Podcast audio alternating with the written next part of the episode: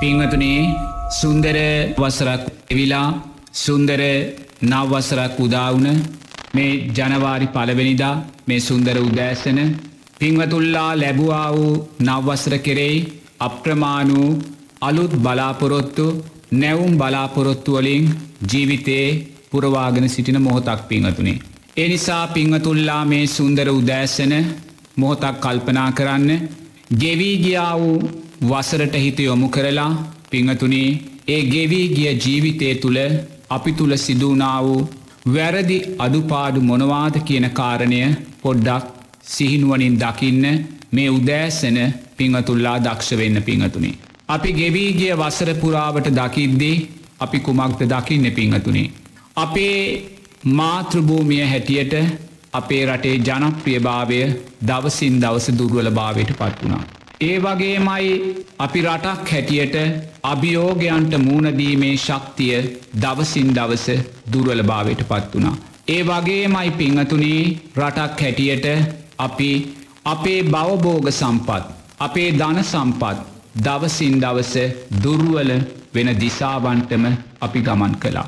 ඒ වගේමයි මේ සියලු හේතු සාධකයන් නිසා පිංහතුනී ජනතාවගේ වර්ණය සැපය බලය කියන කාරණා නිරේතුරුවම දුර්වල භාවයට පත් වනා.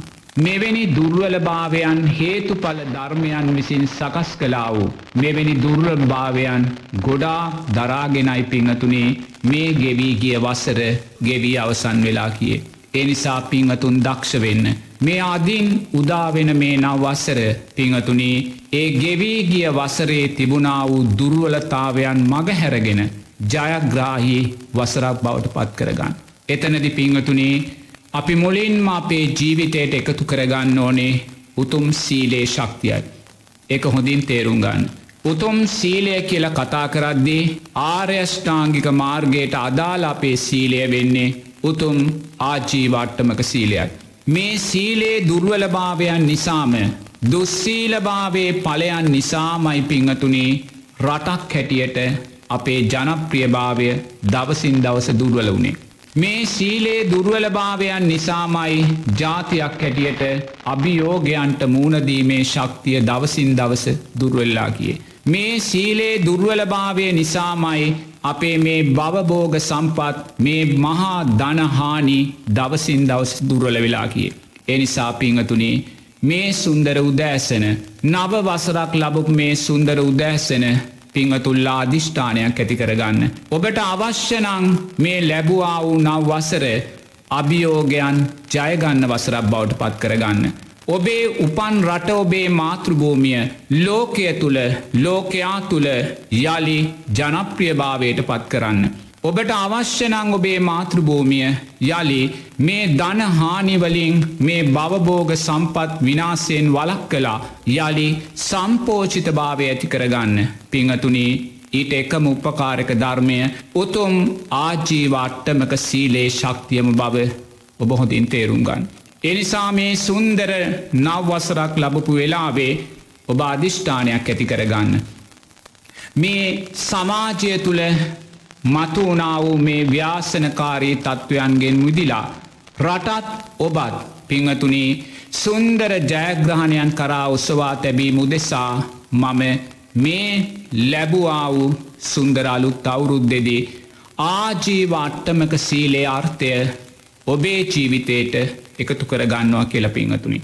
ඒ වගේමයි ලෝතුරා බුදුරජාණන් වහන්සේ දේශනා කරනවා අපි සෑම කෙනෙකුටම වර්ණය සැපය බලය කියන කාරණා ලබා දෙන්නේ දානේ ශක්තිය නිසාමයි කියල පිංහතුනි. තෙරුවන් කෙරෙයි සද්ධාවෙන් කර්මය කර්මඵල විශ්වාසයෙන් ඒ වගේම සියතින් සකසා ප්‍රනීතව පූජා කරන දානයන්ගේ පලයමයි කියලා වර්ණය සැපය බලය කියන කාරණා අපේ ජීවිතයට එකතු කරගෙන. එනිසා පිංහතුල්ලා දක්ෂ වෙන්න.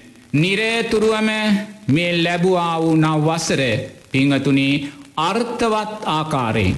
ඒ කියන්නේ සීලේ ශක්තිය තුළින් ආජීවාට්ටමක සීලේ ශක්තිය තුළින් ලෞකික ප්‍රඥාවේ ශක්තිය තුළින් පෝෂණය වෙන්න වූ උතුම් සම්මා වායාමයන්ගෙන් ඔබේ ජීවිතය පුරවාගන්න පිංහතුනි.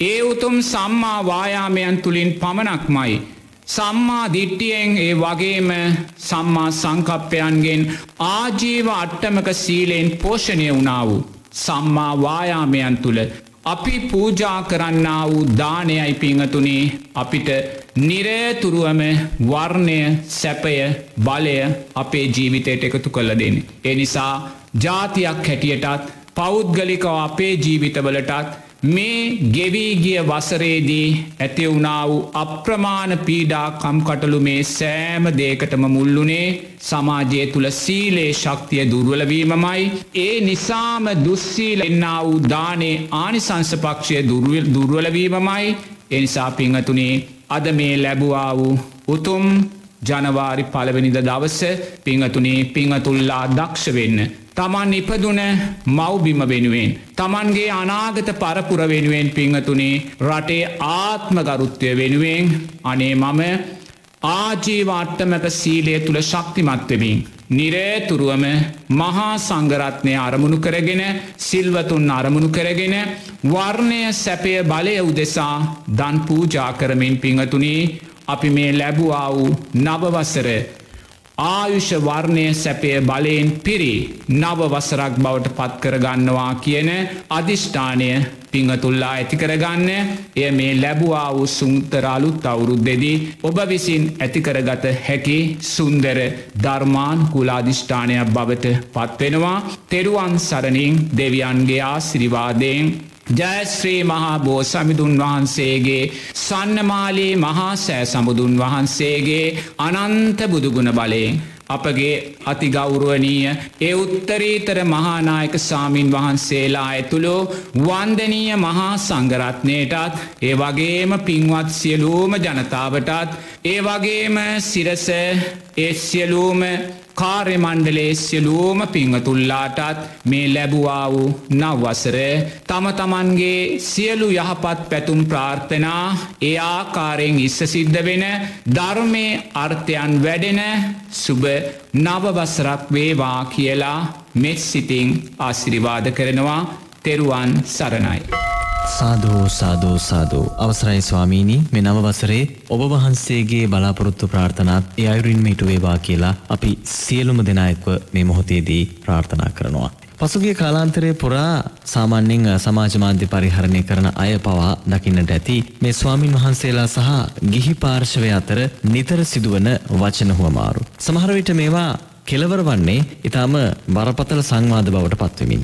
නොදුරු දිනයකදී අපිට අහන්නට ලැබිච්ච කාරණාවක් තමයි ගිහි පාර්ශව විසින් ස්වාමින් වහන්සේ නමකට යම් අභියෝගයක් කරනවා ඔබ වහන්සේ ඔප්පු කල්ල පෙන්න්න ඔබ වහන්සේගේ රහත් භාවය. ඔබ වහන්සේ ඔප්පු කල්ල පෙන්න්න ඔබ වහන්සේ කරන කියන දේවල නිවැරදි බව. ඒවත් ධර්මානුකූලද කියන කාරණාව ඔබ වහන්සේ ඔප්පු කල්ල පෙන්න්න කියලා යම් පාර්ශවයක් ගිහි පාර්ශවයක් ස්වාමින් වහන්සේට අභියෝග කරනවා. එහිදී එම ස්වාමින් වහන්සේ නැවත ගිහි පාර්ශවයට අභියෝග කරනවා ඔබට පුළුවන්නන් ඔප්පු කල්ල පෙන්න්න මං වැරදිී කියලා. මගේ මෙන්න මේ වැරදි තියෙනවයි කියලා ඔබ පෙන්නුම් කරන්න. ධර්මයට අනු මං කරන දේවල් වැරදිී කියලා ඔබ ඔප්පු කළ පෙන්න්න අන්න එහෙම කළොත් මං පෙන්න්නම් මගේ රහත් භාවය නිවැරදි ඒවගේම මං මේ කරන දේවල් ධර්මයට අනුව නිවැරදිී කියෙන කාරණාව. මේක සමාජය තුළත් යම් ගැටුමක් ඇති කරන කාරණාවක්. සමහර ස්වාමින් වහන්සේලා විසින් සිදු කරන දේවල් ගිහි පාර්ශවය වැරදියාකාරයෙන් දකිනවා.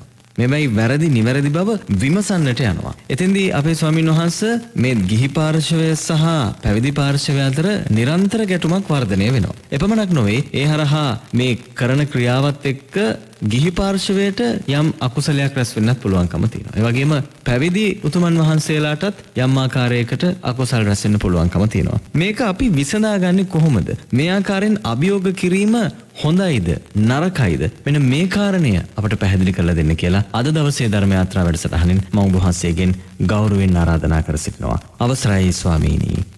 මේමයි පුතේ. ලෝතුරා බුදුරජාණන් වහන්සේ උන්වහන්සේගේ ශ්‍රාවකයින් වන අපිට අපේ ගුණයන් හැටියට පනවන්න මහත්ව සුපටිපන්න ගුණය. උජි පටිපන්න ගුණය. ඥාය පටිපන්න ගුණේ සාමිචි පටිපන්න ගුණය. ද අපි මේක විග්‍රහ කරගන්න වෙන දොට සංඝයාගේ සුපටිපන්න ගුණය කියන්නේ සංඝයා කාමයන්ගෙන් නිසරුභාවය දැකලා. හරිද කාමයන් කියන මොකක්ද. ඇස පිනවීම කණනාසය දිවශරීරයේ මනස පිනවීම. මේ ඇස නිසා සකස් වෙන්න වූ පස්සය අපි තුෂ්නාවෙන් තෙත් කිරීම නිසා තමයි අපි ඇස තුළින් අපි කාමයන් සකස් කර ගන්න. එතොට මේ කාමයන්ගේ නිසරුභාවය. මේ කාමයන් කියන අනිත්‍ය වූ මේ කාමයන් කියන්නේ අපිව අකුසලේට යොමු කරන මේ කාමයන් කියන්නේ අපිව සතරාපායට යොමු කරන මේ කාමයන් කියන්නේ මේ රූපේ හෙමනැත්තං කාමේ ආස්වාදය අනිත්‍ය භාවය අපි දැකලා කාමේ ආස්වාදය කෙටිභාවය අපි දැකලා ඒ කෙටි ආස්වාදය නිසා අපි ලබන දීර්ඝ දීනවය දැකලා කල කිරීමෙන් කාමයන්ගෙන් අපි ඇත්වෙනවා. සංසාර බය දකිනෝ. කල්්‍යයාන් මිත්‍රාශ්‍රය ලබමින් සද්ධර්මසවනය කරමින් නිරේතුරයා සංසාර බය දකිනෝ. සාරාසංක කල්ප ලක්ෂසියක් කෝටි ප්‍රකෝටි ගානක් සංසාරයේ පටිච්ච සමුපන්න වාවා වූ දීර්ඝාතීත බවගමන එයා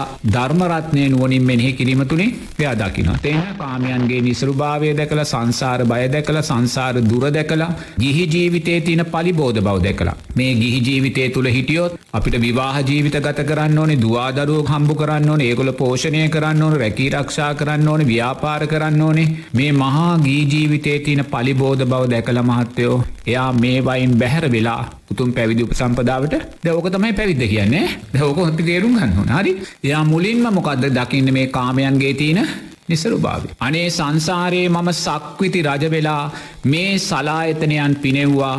ඒ පිනෙව්වා වූ ඒ සෑම සැපවේදනාවක් මානිත්‍ය භාවිට පත්වන. මම සක්ත දෙවියන් වෙලා සුජම්පතිය වෙලා ඒ සුන්දර දිව්‍ය අසිරියෙන් මන් සලාහිතනයන් පිනෙව්වා කාමේ රූපය ආස්වාදය වින්දා ඒ සෑම ආස්වාදයක් මනිත්‍ය වෙලා දීර්ග වූ ආදීනවය යඒ කාමයන්ගේ නිසරුභාවය දැක්ක කෙනෙක්. යා ඒ කාමයන්ගේ නිසරුභාවය දැකලා එයා උතුම් පැවිදි උපසම්පදාමල් ලබලා එයා මොකද කරන්නේ කාමයන්ගේ නිසරුභාවයෙන් විදීම උදෙසා.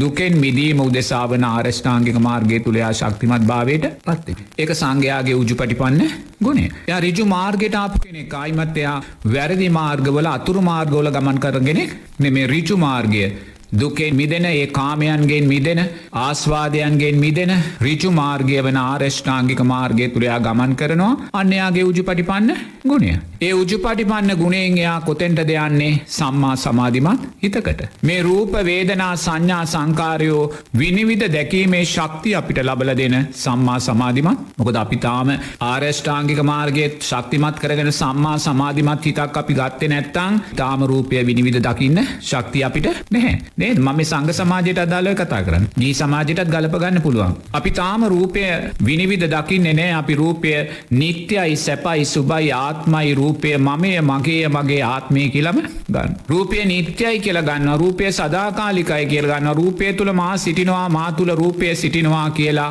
අධ්‍යාත්මික රූපයත් බාහිර රූපයක් දෙකම මමය කියලා රූපය විනිවිධ දකින්නේ නැහැ. සක්විති රජ රූපයත් සතර මහා ධාතුවක් දෙතිස් කුණුපයක් කෙළයා දකින්නේ නැහැ. ලෝතුරා බුදුරජාණන් වහන්සේගේ දෙතිස් මහා පුරුෂලක්ෂණයන්ගෙන් බබලෙන ඒ සුන්දර රූපයත් සතර මහා ධාතුවක් ආයතන හයක් මරණානුස්සතියක් කට්ටික සංඥාවක් කෙළයා දකින්නේ නැහැ. අතීතයේ වැඩ සිටිය සාරිපුත්ත මහෝත්තමයාණන් වහන්සේගේ ඒ අසෝදරා උත්තමාවියගේ සුන්දර රූපයන් මහත්තයෝයා විනිවිධ දකින්නේ නැහැ. ඒවත් කායානු පස්සනාව තුළයා විසරෝල දකින්න දක්ෂ නැහැ. ඇයි මාත්‍ය රූපය විනිවිධ දැකීමට අදාළ සම්මා සමාධිමත්හිතයාට දුර්වල. දැඟ තොට එක කාගි වරදද්ද ඒ අදාළ ස්වාමීන් වහන්සේගේ වරදද්ද නැහැ. එයා ඊට අදාළ සම්මා සමාධිමත් හිතක් ඇතිකරගත්තේ නැහැ. එතුොටේ සම්මා සමාධිමත් හිතක් ඇතිකරගත්තේ නැති නිසා එයා තමන්ගේ අධ්‍යාත්මික රූපයත් මමය කියලම ගන්නවා බාහිර රූපත් මමය මගේ කියලා ගන්නවා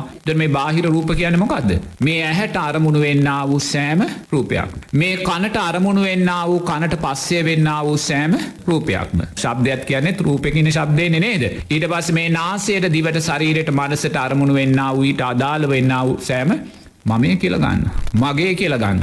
එතුර මොනාද මේ රූප කියන්නේ. පන්සල වේවා ආරණ්‍ය වේවා ඉඩකඩම් වේවා දේපල වේවා යානවාහන වේවා ගොවිබිම් වේවා මේ සෑම රූපයක්ම මමය කියලගන්න. දායකයා වේවා තමන්ගේ සතරපේරුව වේවා රටවේවා ජාතිය වේවා ආගම වේවා මේ සෑම දෙයක්ම මමය කියලගන්නවා මේවා විනිවිධ අපි දකින්නේ ප්‍රශ්නය මොකක්ද සම්මා සමාධිමන්තිත දුර්වලයි. එතොට සම්මා සමාධිමත් හිත දුර්වල වෙන තාක්කල් මහත්වය අපිට උජ්ජපටි පන්න ගුණේ ශක්තියක් අපි තුළින්ල මතු කරගන්න බැහැ. ඒ නිසාම අපි කවදක්වත් ඥාය පටි පන්න ගුණේ ඇති කරගන්නේ නැහැ. එතු ඥාය පටි පන්න ගුණේ ඇති කරගන්න නම් අනි වාර්යෙන් අපි තුළ සම්මා සමාධිමත් හිතක් ඇතිවෙන්න. ඒ සම්මා සමාධිමත් හිතෙන් තමයි අපි මුලින්ම ලෞකික ඥානයන් මතු කර ගන්නේ. තොර ලෞකික ඥානයන් කියන මොකද චුතූපපාත ඥාන පූර්වේ නිවාසානුස්සඥාන දිව්‍යසෝත දිව්‍යචක්කු මේ වැනි ලෞකික ඥානයන් අපි මතු කරගන්නවා කොහොමද මතු කළේ සම්මා සමාධිමත් හිතේ ශක්ති යෙක්. එහෙම නැත්තං එයා තවතව කල්්‍යයාන මිත්‍රාශ්‍රය ලබලා මේ ලෞකික ඥානයන්ගේ තියෙන අනිත්‍ය භාවය දැකලා එයා විදර්ශනා ඥානයන් නැති කර ගන්න මොනත් විදර්ශනා ඥානයන් සෝවාන් සකෘදාගාමි අනාගාමි අරියත්. එතුො දැම් මේ ඥාය පටිපන්න ගුණේ ඇතිවුණේ කුමක් නිසාද උජු පටිපන්න ගුණේ තුළින් ඇතිකර ගත්තා වූ සම්මා සමාධිමත් හිත නිසා. එතොට උජපටි පන්න ගුණේ ඇතිකරගත්තෙ කුමක් නිසාද අපි කාමයන්ගේ නිසරු භාවය දැකලයි සංසාර බය දැකලයි සංසාර ගැඹුර සංසාර දුර දැකලයි අපි උතුම් පැවිදි භාවයට ආවේ. එන දැන් සුපටි පන්න ගුණේ උජි පටි පන්න ගුණේ පෝෂණය කරලා උජු පටි පන්න ගුණේ ඥාය පටි පන්න ගුණේ පෝෂණය කල්ලා ඊළඟට සංඝයාමකොද කරන්නේ. සාමීචි පටි පන්න ගුණෙන් ලෝකයාට ධර්මයෙන් සංග්‍රහ කරනවා. තමන් සීලය තුළ ශක්තිමත් වෙලා ලෝකයට සීලේ ශක්තිය කියලා දෙනවා. තමන් සමාධිය තුළ තමන් ලෞකික ප්‍රඥාව තුළ තමන් විදර්ශනා ප්‍රඥාව තුළ තමන් ඥාන දර්ශන තුළ තමන් විමුක්තිය තුළ ශක්තිමත් වෙලා ඊට මාර්ගය ලෝකයාට කියලා ඒ සංඝයාගේ සාමිචි පටිපන්නගුණේ. එතොට මහත්‍යයෝ සංඝ සමාජය අපි සැබැවින්ම කාමයන්ගේ නිසරුභාවය දැකලා අපි උතුම් පැවිදි උපසම්පදාට ආවනම් මහත්තයෝ අපේ ගමන ඔන්න ඔය පාරෝස්සේ තමයි ගමනාන්තය කරා යන්න තිේ. එතට සුපටි පන්න ගුණේ උජු පටි පන්න ගුණේ ඥාය පටිගන්න ගුණේ සාමිජි පටි පන්න ගුණෙන් අපි අපේ ගමනාන්තය කරා යනවනම්. ආයිමත් මහත්ව අපිට අභියෝග කරන්න මනුස්සේකුට දෙවියකුට බ්‍රක්්මයකුට පුළුවන්කම නැහැ සාරිපුත්ත මහරහතන් වහන්සේට කවුරුත් අභියෝග කළේ නෑන මහත්තය මුගලන් මහරහතන් වහන්සේට අභියෝග කළේ නෑන තේරනල් මොකද උන්වහන්සේලා සැබෑ මාර්ගය තුළ ගමන් කරා. ඒ සැබෑ මාර්ගය තුළ ගමන් කරද්දේ උන්වහන්සේලා තුළ හැමවෙලාම සුපටි පන්න ගුණය මහත්තෝ ඒහි පස්සිකෝ බැබිලවා. විවෘත්තව බබලන්න තිබ්බා.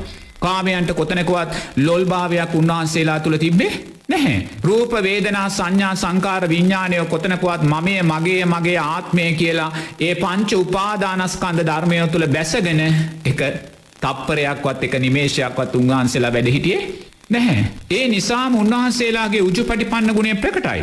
උන්වහන්සේ ජීවිතයේ සෑම ඇවතුම් පැවතුමක් තුළම ලෞකික ප්‍රඥාවේ ශක්තිය තිබ්බා. බුදුරජාණන් වහන්සේ මුල් කරගෙන ගිය ගමනක්ගේ.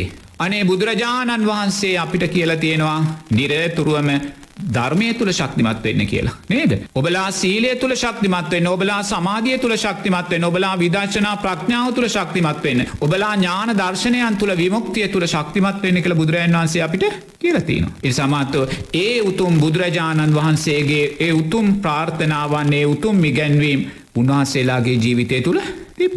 එනිසායිමත් කාටවත් අභියෝග කරන්න අභියෝගන්ට උත්තරදේ අවශ්‍යතාවයක් වුණේ නැහැ. ඇති ඒනිසා මහත්තයෝ ඒ අතීත සංග සමාජය තුළත් අන්‍යාගිම පිංහතුල්ලා ඔය දෘෂ්ටීන් හැට දෙහකින් චෝදනා එල්ල වුණා. තේනල් නවතුතේ ඒ චෝදනාවන් එල්ල වනේ අපේ සංග සමාජයේ තුම් රහතන් වහන්සේලාගේ වැරදි දැකලා ඒවා දේශයෙන් ඇති කරගත්ත දේවත් තේන ඒවා උන්වහන්සේනාම සංසාරය කරගත්තා වූ යම්යම් අකුසල් නිසා උන්වහන්සේලාට සමාජය යම්යම් චෝදනාවෙන් එල්ල නමුත් ඒ චෝදනාවන් තුළ මහත්ව එක දසමයකවත් සාර්ථකත්වයක් අවංක භාවයක් තිබේ නැහැ. දැ බුදුරජාණන් වහන්සේටත් චෝදනා කරන අර රූප මල්ලිකාව මරාදාපු වෙලාවේ මෙන්න බුදුරජාණන් වහන්සේ රූප මල්ලිකාව මරා දැම්ම කියල නවත් මාත්තු ඒවැ එක දසමයක්වත් සත්‍යතාවයක් නැහැ. ඉති එහෙමනම් මහත්‍යයෝ සංග සමාජය තුළ බුදුරජාණන් වහන්සේ දේශනා කලා වූ සුපටිපන්න උජුපටිපන්න ඥාය පටිපන්න සාමේචි පටිපන්න ගුණයන් තුළ අපි අපේ ගමනාන්තය කර අපේ විමුක්තිය කර අපි යනවනම් මහත්තයෝ ආයිමත් කාටවත්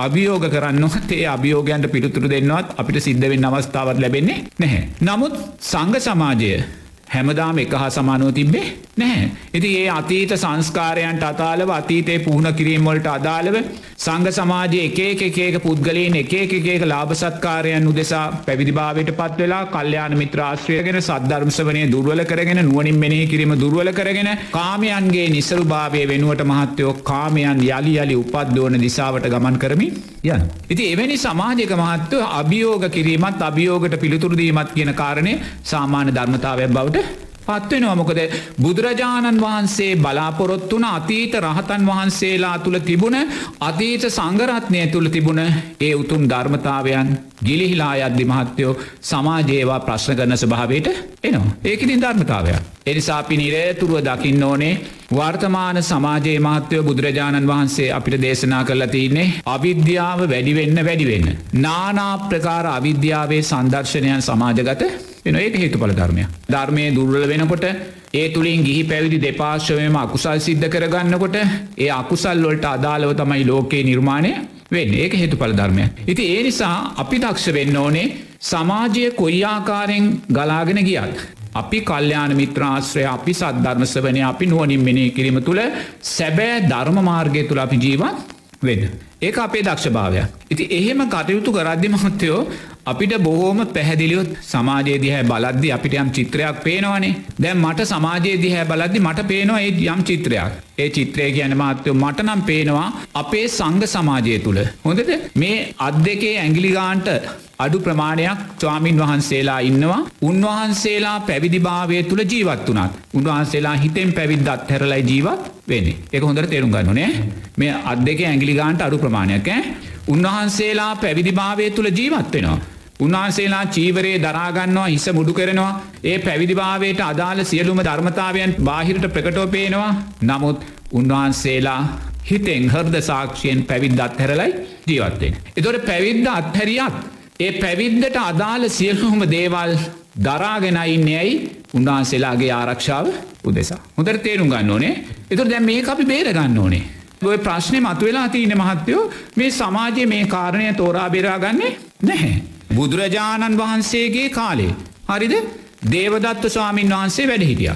හරිද එතු උන්වහන්සේ බුදුරජාණන් වහන්සේගේ ලේප සෙලව්වා ඒ වගේම සංගබේදය සිද්ධ කරලා බරපතල වූ ආනන්තරිය පාපකර්මයන් සිද්ධ කර ගත්තා. එතෝට එහෙම සිද්ධ කරගෙන උන්වහන්සේ සංගබේදය සිද්ධ කරලා ස්වාමීන් වහන්සේලාත් පන්සීයක් කඩාගෙන මහත්තයෝ බුදුරජන් වහන්සේකින් බැහරට යනවා. උන්හන්සේ වෙනම කණ්ඩායම පීටනවා මිච්චා ශාසනයක් උන්වහන්සේ පීටනවා. ඉතුර බන්දැන් බුදුරජාණන් වහන්සේ ජීවමාන විද්දී.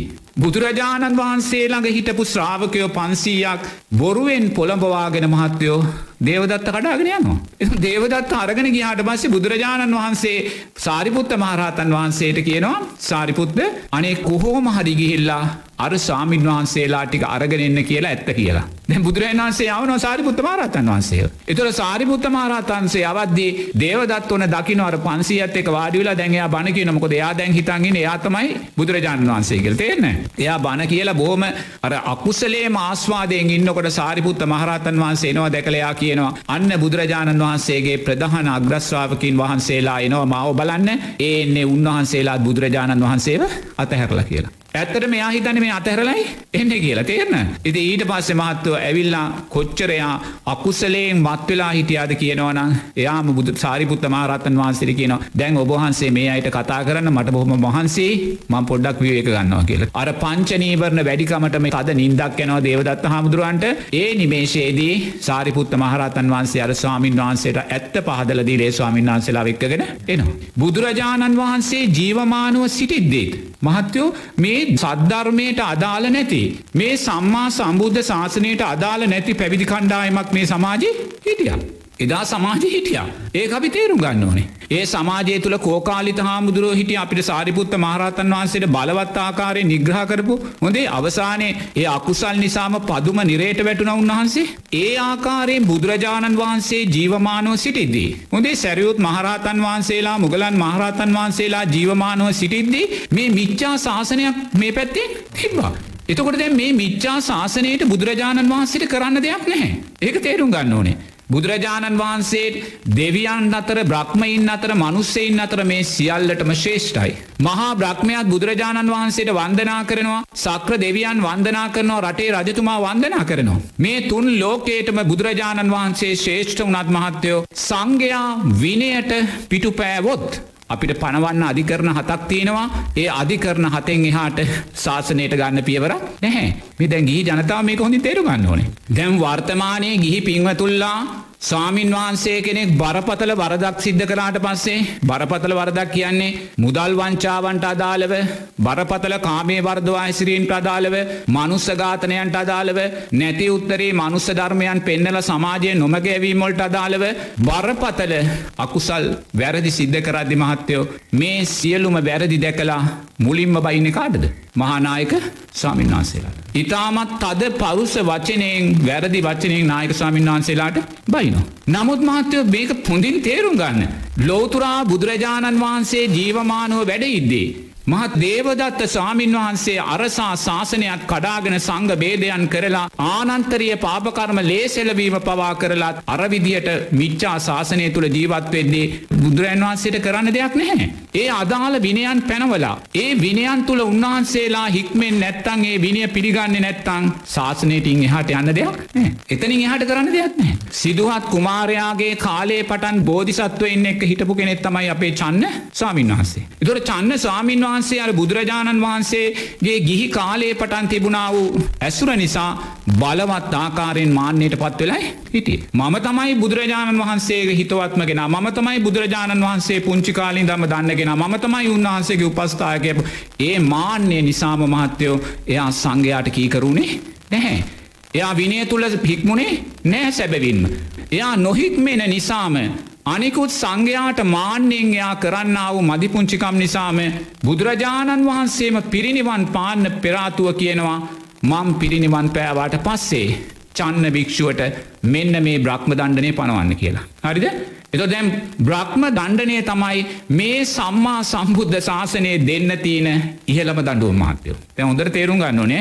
දැම බොරුවට මහනායක ස්වාමීන් වහන්සේලාට වැඩිට ස්වාන්සල බැල්ල වැඩ නෑ තේෙන්න්නල් මොකද ශාසනය පනවල තියෙන බුදුරජාණන් වහන්සේ. බුදුරජාණන් වහන්සේ පැනෙව්වා වූ ශාසනය ඉක්මවායන් අපිට පුළුවන්කමක් නැහැ. බුදුරජාණන් වහන්සේ ඉක්මවා ගිය නෑ දේවදත්ත හාමුදුරල අරවගේ පන්සීයක් කඩාගෙනයක්දී දේවදත්ත හාමුදුරල අරවගේ සංගබේදයන් කල්ල කෝකාලිත හාමුදුරල අර වගේ සංඝයාට නිග්‍රහ කරද්දී මහත්තයෝ බුදුරජාණන් වහන්සේට ඉන් එහාට කරන්න දෙයක් තිබේ නැහැ තියෙන. එතකොට අර චන්න භික්ෂුවට බුදුරජාණන් වහන්සේ පිරිනිවන් පාන්න පෙරාතුව කියන බ්‍රහ්ම දණ්ඩනය පනවන්න ආනන්ද කියලා. දුර ආනන්ද ස්වාමීන් වහන්සේ දන්නේ මොකද මේ බ්‍රහ්ම දණ්ඩනය කියලා. මොකද ඊට ඉස්සෙල්ලා පනවල තිබ්බේ නැහැ. මොකද වෙන වෙන විනය කාරණා පනවලා තිබ්බේ. ඒවට හික්මුනේ නැහැ. මේ අධිකරණයන් පනවලා තිබ්බේ. දැන් බ්‍රහ්ම දණ්ඩනය කියන බුදුරජාණන් වහන්සේ කියනවා එයාට සංඝයා එකතු වෙලා බ්‍රහ්ම දණ්ඩනය පැනෙව්වට පස්සේ මොකද්ද වෙන්නේ? කිසිම ස්වාමීන් වහන්සේ කෙනෙක් සංඝ සමාජයේ කිසිම කෙනෙක් එයා ඇසුරට යන්නේ නැහැ. එයාට වඳින්නේ නැහැ, එයාගේ වන්දනා ලබන්නේ නැහැ, එයාගේ අවශ්‍යතා හොයලා බලන්නේ නැහැ. එයා සංඝ සමාජයේ කොන් කරලා පැත්තකින් තියෙනවා. ඊට වඩා දෙයක් අපිට විනේ නැහැ. එතකොට බුදුරජාණන් වහන්සේ එක්තරා අවස්ථාවකට ওই දඹදිව හිටියා භික්ෂු කණ්ඩායම ඒගොල්ලෝ කලේ මහත්යෝ ප්‍රාතිමෝක්ෂයට අදාළ දේවල් නෙමේ. ඒගොල්ලෝ තොල් රතු කරනවා, නිය රතු කරනවා, පාට පාට සිවුරු අඳිනවා, පාට පාට සෙරෙප්පු දානවා, මල් වවනවා, ගෙවතු වගා කරනවා, මගුල් ජෝඩු කරනවා, ගෑනු ළමයිට පිරිමි ළමයි යාළු කරලා දෙනවා, ඒගොල්ලන්ගේ ලියුම් මේගොල්ලන්ට ගිහිල්ලා දෙනවා. මේ බුදුරජාණන් වහන්සේ ජීවමාන විද්‍ය මේවා කරමින් හිටියේ. එතකොට දැන් මේ ගමේ මිනිස්සයෝ මහත්තයෝ රහතන් වහන්සේ කෙනෙක් ගියාට පාච්චල් කරනවා. මේ මොකෙද්ද මේ? ඈ මොකද ඒගොල්ලෝ ඉන්ද්‍රිය සංවරයෙන් යුතු හාමුදුරුව කෙනෙක් ඒගොල්ලෝ දැකලා නැහැ. ඒගොල්ලෝ මේ ඉන්ද්‍රිය අසංවරභාවය තමයි පැවිද්ද කියලා දැක්කේ. ඒතර ඔය ගමට කොහොම හරි රහතන් වහන්සේ කෙනෙක් බුදුරයන් වහන්සේව දකින්න එද්දි අතරමඟින් එද්දි උන්වහන්සේට පේනවා උන්වහන්සේට කවුරුත් ගරු කරන්නේ නැහැ. දැන් උන්වහන්සේට හරි ප්‍රශ්නයක්. උන්වහන්සේට ඒ ගමේ ඉන්න හොඳ දායක මහත්තයෙක් හම්බ වෙනවා. එයා කියනවා සාමීන් වහන්ස මෙන්න මේ භික්‍ෂූ කණ්ඩායම නිසා මේ මුළු ගමම විකෘතියක් වෙලා තියෙන්නේ. අනේ භාග්‍යවතුන් වහන්සේට ගිහිල්ලා මේක සැල කරන්න කියලා. උන්වහන්සේ ඇවිල්ලා බුදුරජාණන් වහන්සේට කියනවා. බුදුරජාණන් වහන්සේ හොයලා බලනවා මේ කතාව ඇත්තද කියලා. ඇත්ත. බුදුරජාණන් වහන්සේ සාරිපුත්ත මහරහතන් වහන්සේට කියනවා යන්න ගිහිල්ලා ඊට අදාළ විනය කාරණා පන වන්. ඒ අධිකරණයන් පනවන්නේ ඒගොල්ලන්ට කියලා. සාරිපුත්ත මහරහතන් වහන්සේගේ නානේ මට බෑ කියලා. ඇයි? භාග්‍යවතුන් වහන්සේ එතන ඉන්න පිරිස වැඩි නම් එතන. පේනනේ ඈ මට එතෙන්ට යන්න බෑ කියනවා. අදත් අපිට යන්න බැරි තැන් තියෙනවනේ නේද? ඈ එන්න ආවොත් මෙහෙමයි මෙහෙමයි කියලා කියන තැන් තියෙනව නේද? ඉතින් ඒතකොට මේක බුදුරජාණන් වහන්සේ කාලෙත් තිබ්බා. තේන දැන් මේ පුදුම වෙන්න එපා ඈ. කිසි දෙයක් පුදුම වෙන්න දේවල් නෙමෙයි ඈ. ඒ නිසා මේ අභියෝග කරන ගහගන්න එන්න ආවොත් මෙහෙමයි ආවොත් මෙහෙමයි කියන තැන් එදත් සාරිපුත්ත මහරහතන් කියනවා භාග්‍යවතුන් වහන්සේ අනේ මට නම් බෑ කියලා. ඇයි? එතන පිරිස වැඩි. බුදුරජන් වහන්සේ කෙනවා එතන ඉන්න පිරිසට සමාන සංග පිරිසක් අරගෙන යන්න කියලා. එකන එතන ස්වාමින් වහන්සේලා සීයක් වැඩඉන්නවනම් ස්වාමින් වහන්සේලා සීයක් අරගෙන යන්න කියනවා. හරිද දැන් සාරිපුත මාරන්ද අරගෙන යන අපික මෙතන සීයක් නම් ස්වාමින් වහන්සේලා සීයදම කරගෙන ගිහිල්ලා සංඝයාව කැඳ වෙලා සංඝයාට විනය පනවනවා. ඉස්ලාම් වැරද්ද පෙන්නනවා. ඔබලා ප්‍රාතිමෝක්ෂයේද අදාළව මේ දුර්වලතාවයන් සිද්ධ කරනවා මේ මේ ඇවැත් සිද්ධ කරනවා මේ මේ සංඝාදිශේෂයන් සිද්ධ කරනවා කියලා ඊට අදාළව පුතේ විනය කර්මයන් පනවද්දී සත පහකට ඒගොල්ලෝ ගණන් ගන්නේ නැහැ. සත පහකටවත් ගණන් ගන්න එතුර ඉන් එහාට ශාසනයට යන්න තැනක් ඉන් එහාට අපිට යන්න තැන නැහැ. ඒක හොඳට තීරු ගන්න ඕනේ. බුදුරජන් වහන්සේ බ්‍රහ්ම දණ්ඩනය අර ඉහළම අධිකරණය පනවන්න කියදදි චන්න භික්ෂුවට චන්න භික්ෂුවයේ දණ්ඩනයට යටත් නොවනනම් ඉන් එහාට දෙන්න දඩුවමක් අපිට නැහැ. ඒක තමයි බුදුරජාණන් වහන්සේගේ පැනවීම. එතර බුදුරජාණන් වහන්සේ ශාසනයක් පනවන්නේ උන්වහන්සේගේ තනිකමැත්තට නෙමේ. බුදුරජාණන් වහන්සේ ශාසනයක් පනවන්නේ විනයක් පනවන්නේ උන්වහන්සේ පූර්වේ නිවාසානුස්සිතිනානයෙන් බලනවා. අතීත බුදුරජාණන් වහන්සේලා පැනෙව්වා වූ විනයකාරණා මොනවද කියලා. අතීත බුදුරජාණන් වහන්සේලා පැනෙව්වා වූ විනයන්ගෙන් ඔබ්බට තවත් බුදුරජන් වහන්සේ නමක් කියන්නේ නැහැ. එන එතන සීමාවක් තිබ මෙන්න සීමාව. බ්‍රහ්ම දණ්ඩනයෙන් ඔබ්බට දෙන දඩුවමක් ශාසනය තුළ නැහැ. එහෙනම් මහත්තයෝ වර්තමාන සමාජයේ අපේ පින්වත් ගිහි පින්වතුල්ල මොන්න තරන්නම් අකුසල් කන්දරාවක් කරගන්නවද කියලා බලන්නකො. මහනායක ස්වාමීන් වහන්සේලාට බයිනවා සිවරු ගලෝල අරින්න කියලා. මහනායක සොයන් ලාසර බහිනවා ගහල එලොවන්න කියලා. පුතේ ශාසනය අපිට එහෙම දෙයක් නැහැ. අපිට එහෙම කරන්න බැහැ. ශාසනය එහෙම කරන්න දෙයක් නෑ අපි විනය පනවල කරන්න තියෙන උපරිම විනය දණ්ඩනය අධිකරණය බ්‍රහ්ම දණ්ඩනය පනවලා ඒකටයා හික්මෙන් නැත්තං ඒක සංස්කාරයන්ට බාර දෙන්නයි තියෙන. ඒක තමයි අපි ධර්මය. දේවදත්ව හික්මුණේ නැහැ. බුදුරජන් වන්සේ සංග සමාජයට කිව්වෙන දේවදත්ව සිවරු වෙල්ලරන්න කියලා අපිට ඒක කරන්න බැහැ. අද සංග සමාජයේ කෙනෙක් වරදක් කරනවා කියලා බරපතල වරදක් කරනවා කියලා මහානායක ස්වාමීන් වහන්සේ කිව්වොත් මෙයාව සිවරු ගලෝල යවන්න කියලා එයා අධිකරණයට ගීලා මානව හිමිකන් අඩුවක් පැවරුවොත් මහනායක හමුදුරුව පරාද? මොකොද විනය අධිකරණය ගරන්ගන්නේ නැහැ. අධිකරණය වෙන දෙයක්. රටේ නීතිය එකක් ශාසනය නීතිය තාසනය නීතිය අධිකරණය පිළිගන්නේ නැහැ. පේන්න? ඒසා වර්තමානයේ බැරදි කරා කියල ස්වාමීන් වහන්සේ කෙනෙකුට බ්‍රහ්ම දණ්ඩනයෙන් එහාට යන්න දෙන්න දඩුවමක් අද නැහැ. එතෝට යම් මේකින් යම් භික්ෂුවකට බ්‍රහ්ම දණ්ඩනය පැනෙව්වොත් සංග සමාජය තුළ තියෙන අසම ගිය නිසා. සංග සමාජය කාමයන් කෙරේ තින ලොල්භාවයන් නිසා. මහත්දවේ බ්‍රහ්ම දණ්ඩනය පනෝපු භික්ෂුවටත් පක්ෂ තවත් කණ්ඩායම බිහි. එතොට ශාසනය තුළ බරපතල කල්ලිවාදයක් තේන එතොට ප්‍රශ්ි තවත් බරපතල වෙනවා. තේන ප්‍රශ්ි තවත් බරපතලේනවා ඒනම් අපිට දැන් වෙන කරන්න දෙයක් නෑ. අපිට කරන්න තියෙන මොකක්ද අපි පූර්වාදර්ශීව විනය තුළ ශක්තිමත් වෙනවා. අපි පූර්වාදර්ශීව විනය තුළ ශක්තිමත් වෙලා ඒ සීලේ ශක්තිය තුළින් අපි ලබන සීලේ අනිසංසයත්තිීනන් මොනා දෙයානිසංසය ජනප්‍රිය භාවය සංග සමාජය තුළ ගිහි සමාජය තුළ දෙවියන් බ්‍රහ්මයින් අතර ජනප්‍රිය භාවය ඇතියෙනවා ප්‍රාතිමෝක්ෂයේ පලවෙනි ශක්තිය. දෙක අපිට එන ඕනම අභියෝගෙකට අපි මූුණ දෙෙන අපිට පලායන්න අවශ්‍යනෑ මටත් පහුගේ දවස්වල මීට මාස තුනකට වගේ ඉස්සෙල්ලා ගෞරුවනය සාමීන් වහන්සේ කෙනෙක් මාස තුනක් ඉතර බරපතල ආකාරයෙන් වීඩියෝ පහකින් මට මට ගැහ්වතේන්න එක වීඩියෝ පටයක් මන්දැක ලක් ලක්ෂ හතරාමාරක් බල්ලතිනවා. තව වීඩියෝ පටයම්මන් දැක ලක්ෂ හතරක්. අඩු මේක අනුදහද්ද කොයිද බල්ල තිබා ඔය වීඩියෝ පට හතරකින් නැත්නම් පහකින් බරපතල විදියට ධර්මය මගේ කියපු ධර්ම අඩු කරලා කොටස් අඩු කරලා විකෘති කරලා ගහල තිබ. එතොර දැ මේ මගේ ඔය කටයුතුවලට හොල බලන්න මහත්තයක් ඇවිල මට කියන ස්වාමීන් වහන්ස මේ කාරණයට එරෙහිව අධිකරණය නඩුවක් පවරන්න පුළුවන් කියලා. මොකක්කර මේ වෙන කෙනෙක්ගේ වීඩියෝ එකක් කරගෙන තමයි ඒක දාලාති නොනම හේතුවක් තින මං එක දන්නේ නැහොදේ මංකිව මහත්තයෝ අනේ කරු කරුණා කරලා ඔය දේවල් කරන්න අවශ්‍යනය. අපි පුළුවන් තරන් අකුසලේට මරිමු. තේරනද මුදර තියගන්න කියන දේ අහන්න ඇත්තන් මෙච්චර ධර්මය කියලා අහන්න ඇත්තන් තේරෙන් ඇත්තන් අකුසලේටම යන්න අරිමු. එක වීඩියෝ එකක් කලොත් අකුසලේ මේ ප්‍රමාණයයි දෙකට යන්න ගියොත් තවකුසලේ වැඩි. තුන්හිරණ යන්න ගියොත් තවකුසලේ වැඩි. හතරමිනි එක යන්න ගියොත් තවකුසලේ කරුණා කල්ල එහෙම යන්න ඔන්න විසඳුම. හරිද? මේ විසඳුම පූර්වාදර්ශව අපිට කිව ලෝතුරා බුදුරජාණන් වහන්සේ. දේවදත්ව ගල් පෙරලද්දි දේවදත්ව සංගබේදයන් කරද්දී බුදුරජන් වන්සේ දැක මේ අසපපුරුෂ පුද්ගලයාට අවවාද කල්ල තේරුමක් නැහැ. ධර්මය කියල තේරුමක් නැහැ. එන යන්න හදන්නේ අකුසලේට නං අනේ සාදුසාදු යන්න. උන්වහන්සේටත් තිබන අජාසත රජ්ජුරුව ප්‍රධාන දායකයනේ. දවසට කරත්ත පන්සියකින් සිව්පසේ අරිනවා මේ දේවදත්තගේ පන්සලට. කරත්ත පන්සේකෙන් සිව්පසේ අරින්න මහත්වය මොකදොතන දහයද පහලුවද හිටියේ? නෑන කරත්ත පන්සියකින් සිව්පසේ අරිනවා කියන්නේ එතනත් දස් ගානක් ඉන්න ඇති. එතු මාතු එවැනි තැනක් බුදුරජාණන් වහන්සේ ජීවමානව ඉදිත්ති තිබ්බා. අද වර්තමානයේ ඒ තැන තව තව ශක්තිමත්වමින් පෝෂණය වෙමින් පෝෂණය වෙමින් ශාසනය අතුරුදහම තැන දක්වා එනවා. එතොට ශාසනය අතුරුදහන් වුණා කියන්නේ අන්න අර කණ්ඩායම තනිකරම ශාසනය බලයල්ල ගත්තා. ඒක තමයි ශාසනය අතුරුදහන්ගෙන. ඒ ආසංකට කණ්ටක බලට පත්වෙන් එතනිගේ යට පස්සේ. එනට මේ මේ රැල්ල බුදුරජාණන් වහන්සේ ජීවමානව ඉදිද්දිම ඇතිවෙච්ච රැල්ලක්. මේ මිච්චා ශාසනය. මේ සැබෑ සම්මා සම්බුද්ධ ශාසනයක් තුළ ඇතිවෙන්න වූ මේ විනය විරෝධී මේ විනයට ගරහන මේ මිච්චා ශාසනය දේවදත්තගෙන් තමයි මේ සම්මා සම්බුද්ධ ශාසනය ආරක්ෂා වෙන්නේ. එතන ඉදම් මේක පැවැතගෙන පැවැතගෙන පෝෂණය වෙමින් වරින්වර මෙහෙම ඇවිල්ලා කාසාය කණ්ටකලගේ කාලයේදී මාත්‍යය මුළු සම්මා සම්බුද්ධ ශාසනයම ඒගොල්ල බලය අල්ල උතේ මේ අපි ලෝක ධර්මයක් දකින්නේ. මේ අපි ලෝක ධර්මයක් දකින්නේ. එතුට මේ දේට සංග සමාජයේ විනය තුළින් අපිට ගන්න ප්‍රතිකර්මයක් නැහැ මොකද විනේ තියන ප්‍රබලම අධිකරණය තමයි බ්‍රහ්ම දණ්ඩනය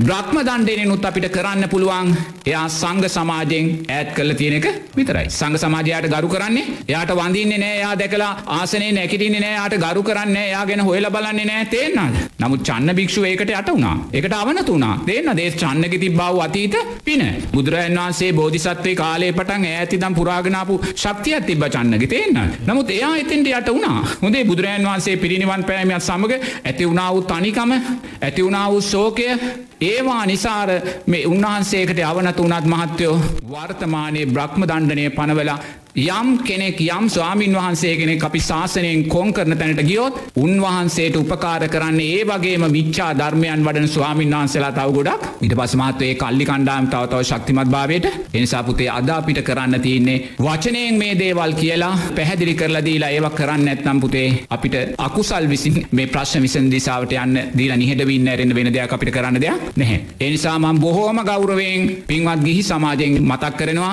කරුණා කරලා වැරදි කරන ස්වාමීන් වහන්සේලා ඔය මිච්චා ශාසනය පටන්ගන්නේ දේවදත්ත හාමුදුරුවන්ගෙන්.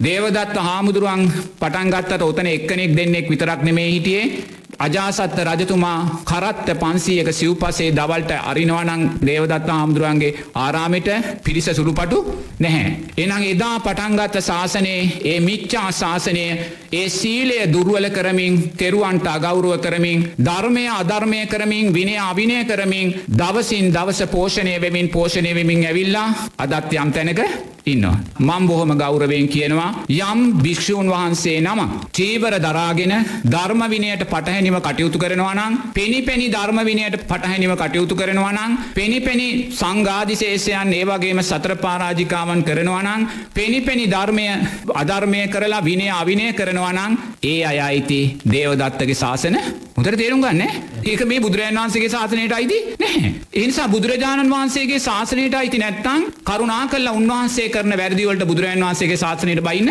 මීට පස්සේ දේවදත්තක ශාසනයට. හරිද.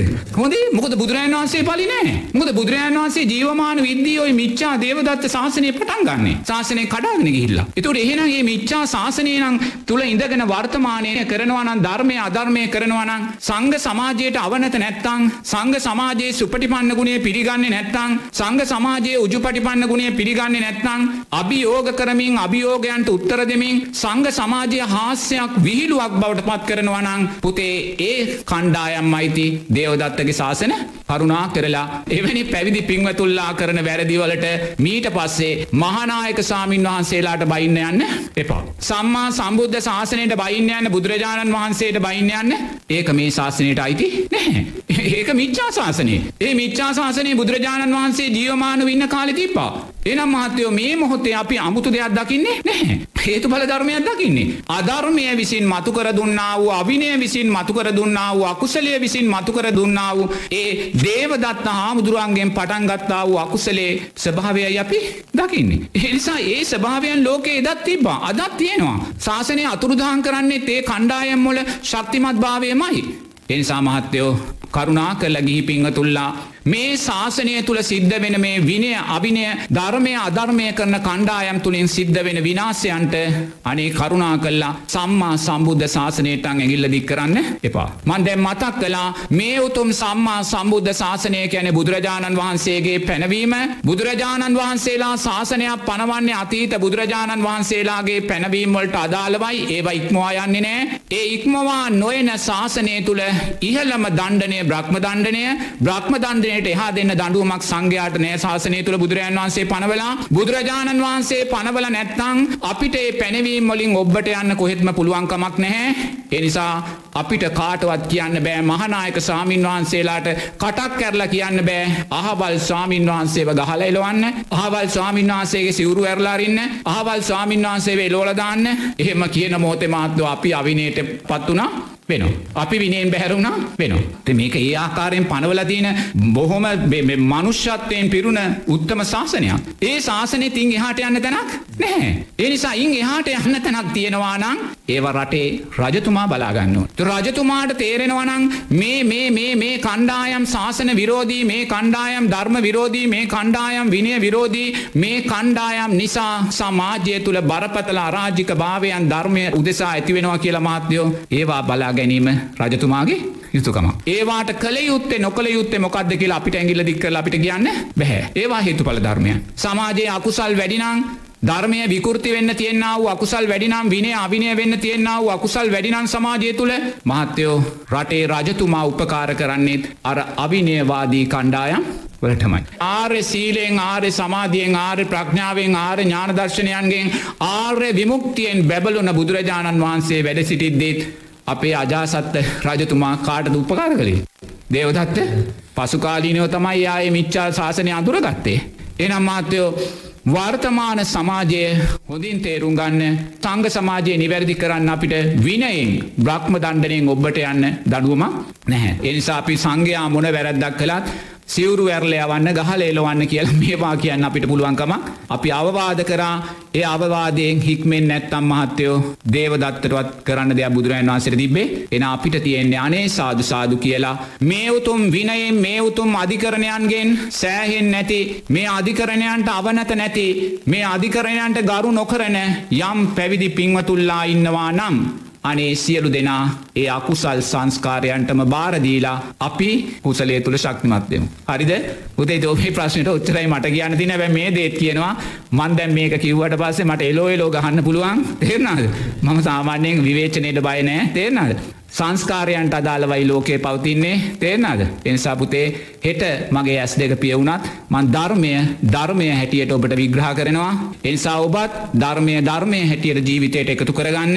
අකුසල් සංස්කාරයන් නිසා කවදක්වත් ඔබ ඔබ අකුසලේ දිසාවට යන්න එපා. කොච්චර දේවදත්ත හාමුදුරුව බුදුරජාණන් වහන්සේට එලවා එලවා පහරදුන්නත් අවසාන දේවදත්ත හාමුදුරුවන්ට සිද්ධ වුණා මරණාසන්න මෝතේ ලේ වමනය කරමින් අනේ මාව බුදුරජාණන් වහන්සේ ළඟට එක් යන්න කියලා කියන්න සිද්ධ වුණා. නමුත් ඒක කරන්න පුළුවන් වුණාද ඒක කරන්න පුළුවන්කමක් ලැබුණේ නැහැ. ආනන්ද බුදුරජාණන් වහන්සේ දේශනා කරනවා භාග්‍යවතුන් වහන්ස දේවදත්ත හාමුදුරුවන්ව ඇඳක තියාගෙන අන්න ඔස්සවාගෙනනවා ඔබ වහන්සේ ළඟට ඔබවහන්සේට වන්දනා කරන්න කියලා මරණාසන්නව. එතොට බුදුරජාන් වහන්සේ කියනවා ආනන්ද ඔය දේවදත්තට කවදාක්වත් මගේ ළඟට එන්න බැහැ. තුර බලන්නක දැන් බුදුරජාණන් වහන්සේ අර මරණාසන්නව ලේවමනය කරමින් දේවදත්ත ඔසෝගනයනකොට බුදුරජාණන් වහන්සේ ආනන්ද සාමීන් වහන්සේරකින ආනන්ද ඔය දේවදත්තට මරණාසන්න මෝතේ මාව මුණගහෙන්න ඉතර මහත්ව දැන් සමහරු ඕකටත් බයිනවා බුදුරජාණන් වහන්සේ. කෝ ලෝතුරා බුදුරජාණන් වහන්සේගේ මහා කරුණාව කියලා. බුදුරජාණන් වහන්සේ ළඟ මහා කරුණාව තිබ්බනං මේ මරණාසන්න දේවදත්ත මේ විදිහට දුක්විදිද්දී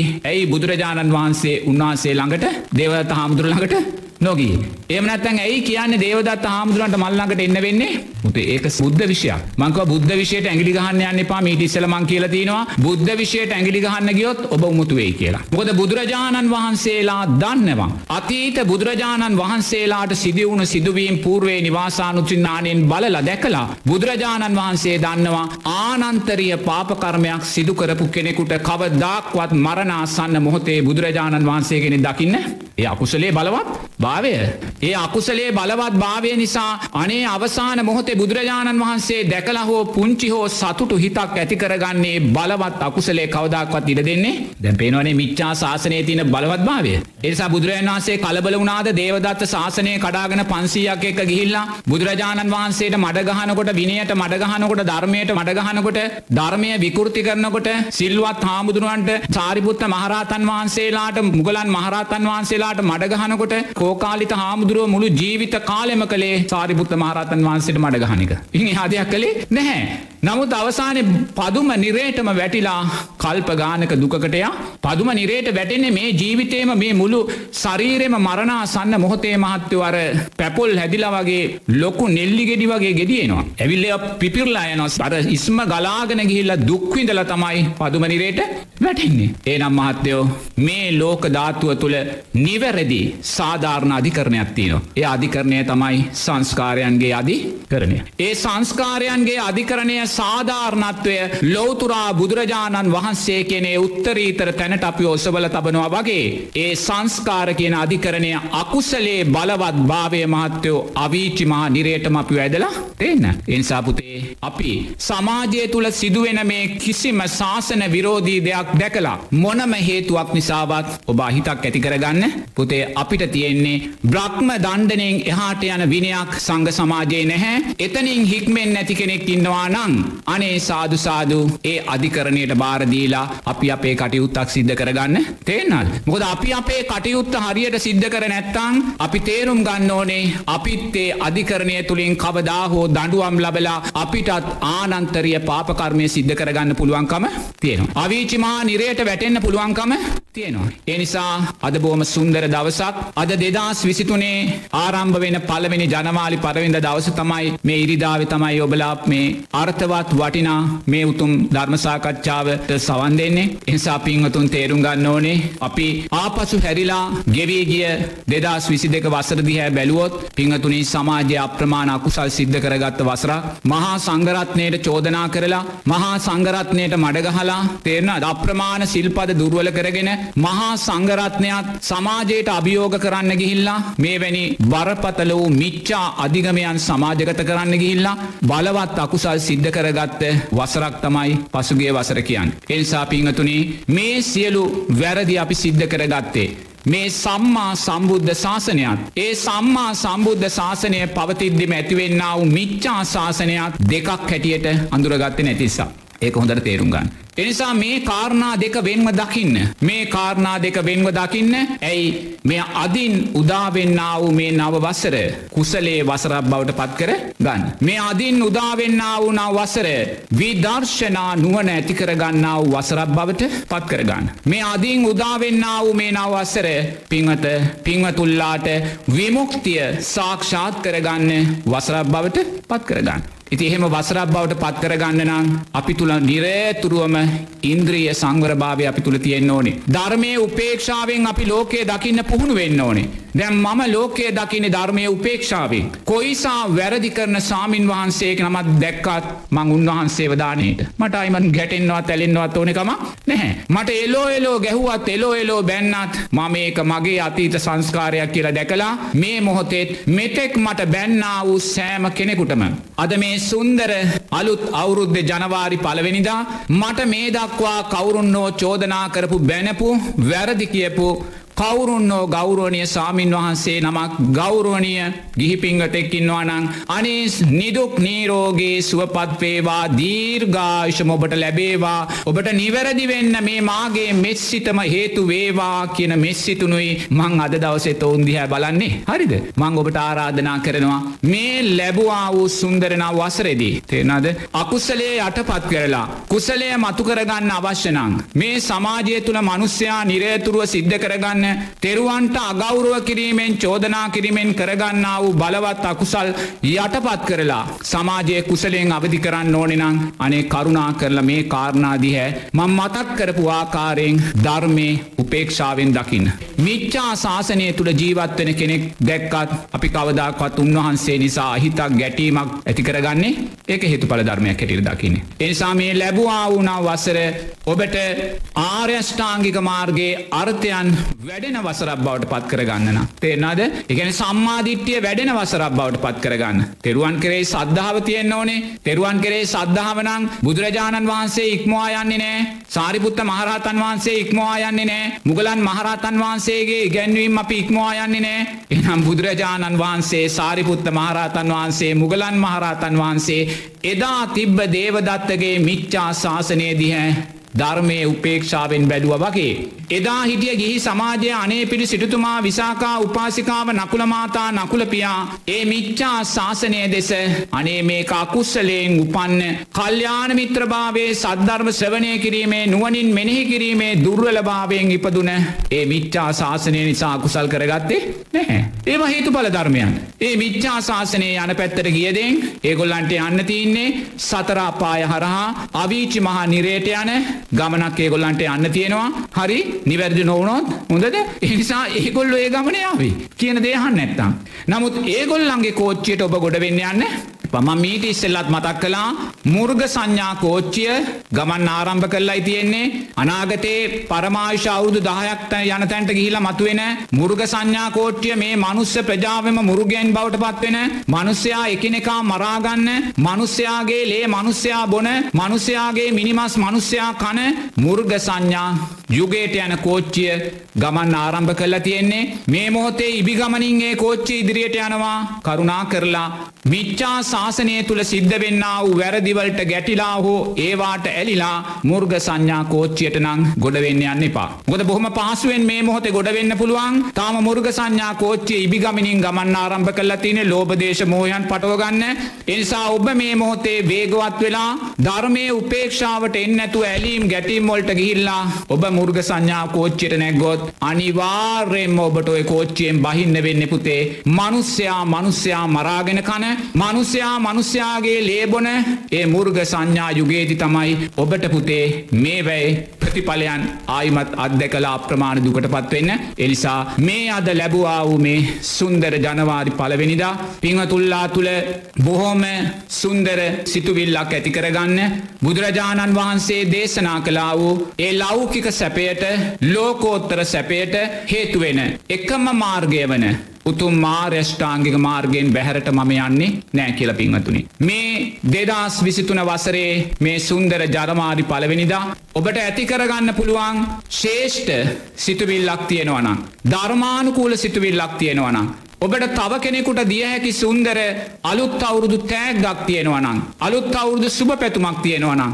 ඔබට දෙන්න තියනේ සුන්දර සුභ පැතුම සුන්දර තෑග්ග තමයි පිංහතුනේ මේ ලැබවා වුනම් වසරෙදී. මම මේ ලෞකික සැපයට ලෝකෝත්තර සැපයට එක්කම හේතුව වෙන මේ උතුම් ආර්යෂ්ඨාංගික මාර්ගෙන් බැහැරට යන්නේ නෑ ජීවිත පරිත්‍යයාගෙන් මං මේ ආර්යෂ්ඨාංගික මාර්ගය තුළ හිඳමින් පිංහතුනේ මේ උතුම් ශාසනය ශක්තිමත් කරන්න. ඒ ශක්තිමත් භාවය තුළින් මගේ කුසල් ජීවිතය ශක්තිමත් කරගෙන පිංහතුනී මේ ලැබ ලැබවා වූ මනුස්සත්වය අවම වශයෙන් සුන්දර දේව ජීවිතයක් බවට හෝ පත් කරගන්න මං අධිෂ්ඨානය ඇති කරගන්නවා කියන අධිෂ්ඨානයක් ඔබාද ඇති කරගත්තොත් පිංහතුනි මේ සුන්දර නවවසරේ මේ මුල් දවසෙදිම ඔබ උතුම් තෙරුවන්ගේ ඒ උතුම් ආශ්‍රිවාදය ජීවිතයට ලබාගත්ත සුන්දර බෞද්ධයෙක් බවට පත්වෙනවා. පිංහතුනේ පිංහතුල්ලා මේ මොහොතේ කල්පනා කරන්න මේ වසරක් ගෙවිලා සුන්දර අලුත් අවුරුද්දක් ලැබුව වෙලාවේ පිංහතුල්ලා බොහෝම කල්්‍යාන මිත්‍රභාවයෙන් මේ උතුම් ධර්මයාත්‍රා මේ උතුම් ධර්ම දේශනාව සවනය කරලා ඒ ධර්මය නුවනින් මෙනෙහි කරලා පිංහතුනි සුන්දර ධර්මය අත්දැකීම් ජීවිතයට ලබාගන්න ඇති. ඒවාගේම සුන්දර ප්‍රාර්ථනාවන් බලාපොරොත්තු ධර්මානුකූලව ඔබ තුළ ඇති කරගන්න ඇති. එනිසා සිරස මාධ්‍යයටත් ඒවාගේම මේ උතුම් සද්ධර්මය ශ්‍රවනය කලා වූ ලක්ෂ සංඛ්‍යාතය පින්වතුල්ලාටත් නිදුක් නීරෝගේ සුවපත් භාවය දීර්ඝායුෂ සැලසේවා. මේ ලැබවා වූ නව වසර පින්වතුල්ලාගේ සියලු පැතුම් ප්‍රාර්ථනා ඉස්ස සිද්ධ වෙන ධර්මය අර්ථයන් වැඩෙන සුභනවවසරක් වේවා කියලා මෙස්සිතිං ආසිරිවාද කරනවා. ඒ වගේම මේ රැස් කර ගත්තා උතුම් ධර්මදානමය පින් අති ගෞරුවනීය. ඒ උත්තරීතර මහානායක සාමීන් වහන්සේලා ඇතුළු සියලෝම වන්දනීය මහා සංගරත්නයටත් මේ පින් නිදුක් නීරෝගේ සුවපත්භාවය දීර්ඝායුෂත් උතුම් චතුරාර් සද්ධර්මයෝ දැකීම අවබෝධයට මේ පින් උත්තම ශක්තියක් වේවා. ඒ වගේම කල්්‍යාන මිත්‍රභාවයෙන් උපකාරක ධර්මයන් සකස් කොට දුන් පින්වත් සාර්ධ මහත්මයාටත් පින්වත් පුබුදු මහත්මයාටත් ඒ වගේම සිරස ගුවන් විදිලියේ ප්‍රධානී ඒ පින්වත් සජිත් රත්නායක මහත්තයා ඇතුළු කාර්යමණ්ඩලේ සියලූම දෙනාටත් නිදුක් නීරෝගේ සුවපත්භාවය දීර්ඝාශ උතුම් චතුරාර් සද්ධර්මයෝ දැකීම අවබෝධයට මේ පින් උත්තම ශක්තියක් වේවා ලැබවා වූ නව වසර පින්වතුල්ලාගේ සියලු පැතුම් ප්‍රාර්ථනා ඉටුවෙන සුබ නවවසරක් වේවා දීර්ඝායුෂ සැලසේවා. සාධෝ සාධෝ සාධූ.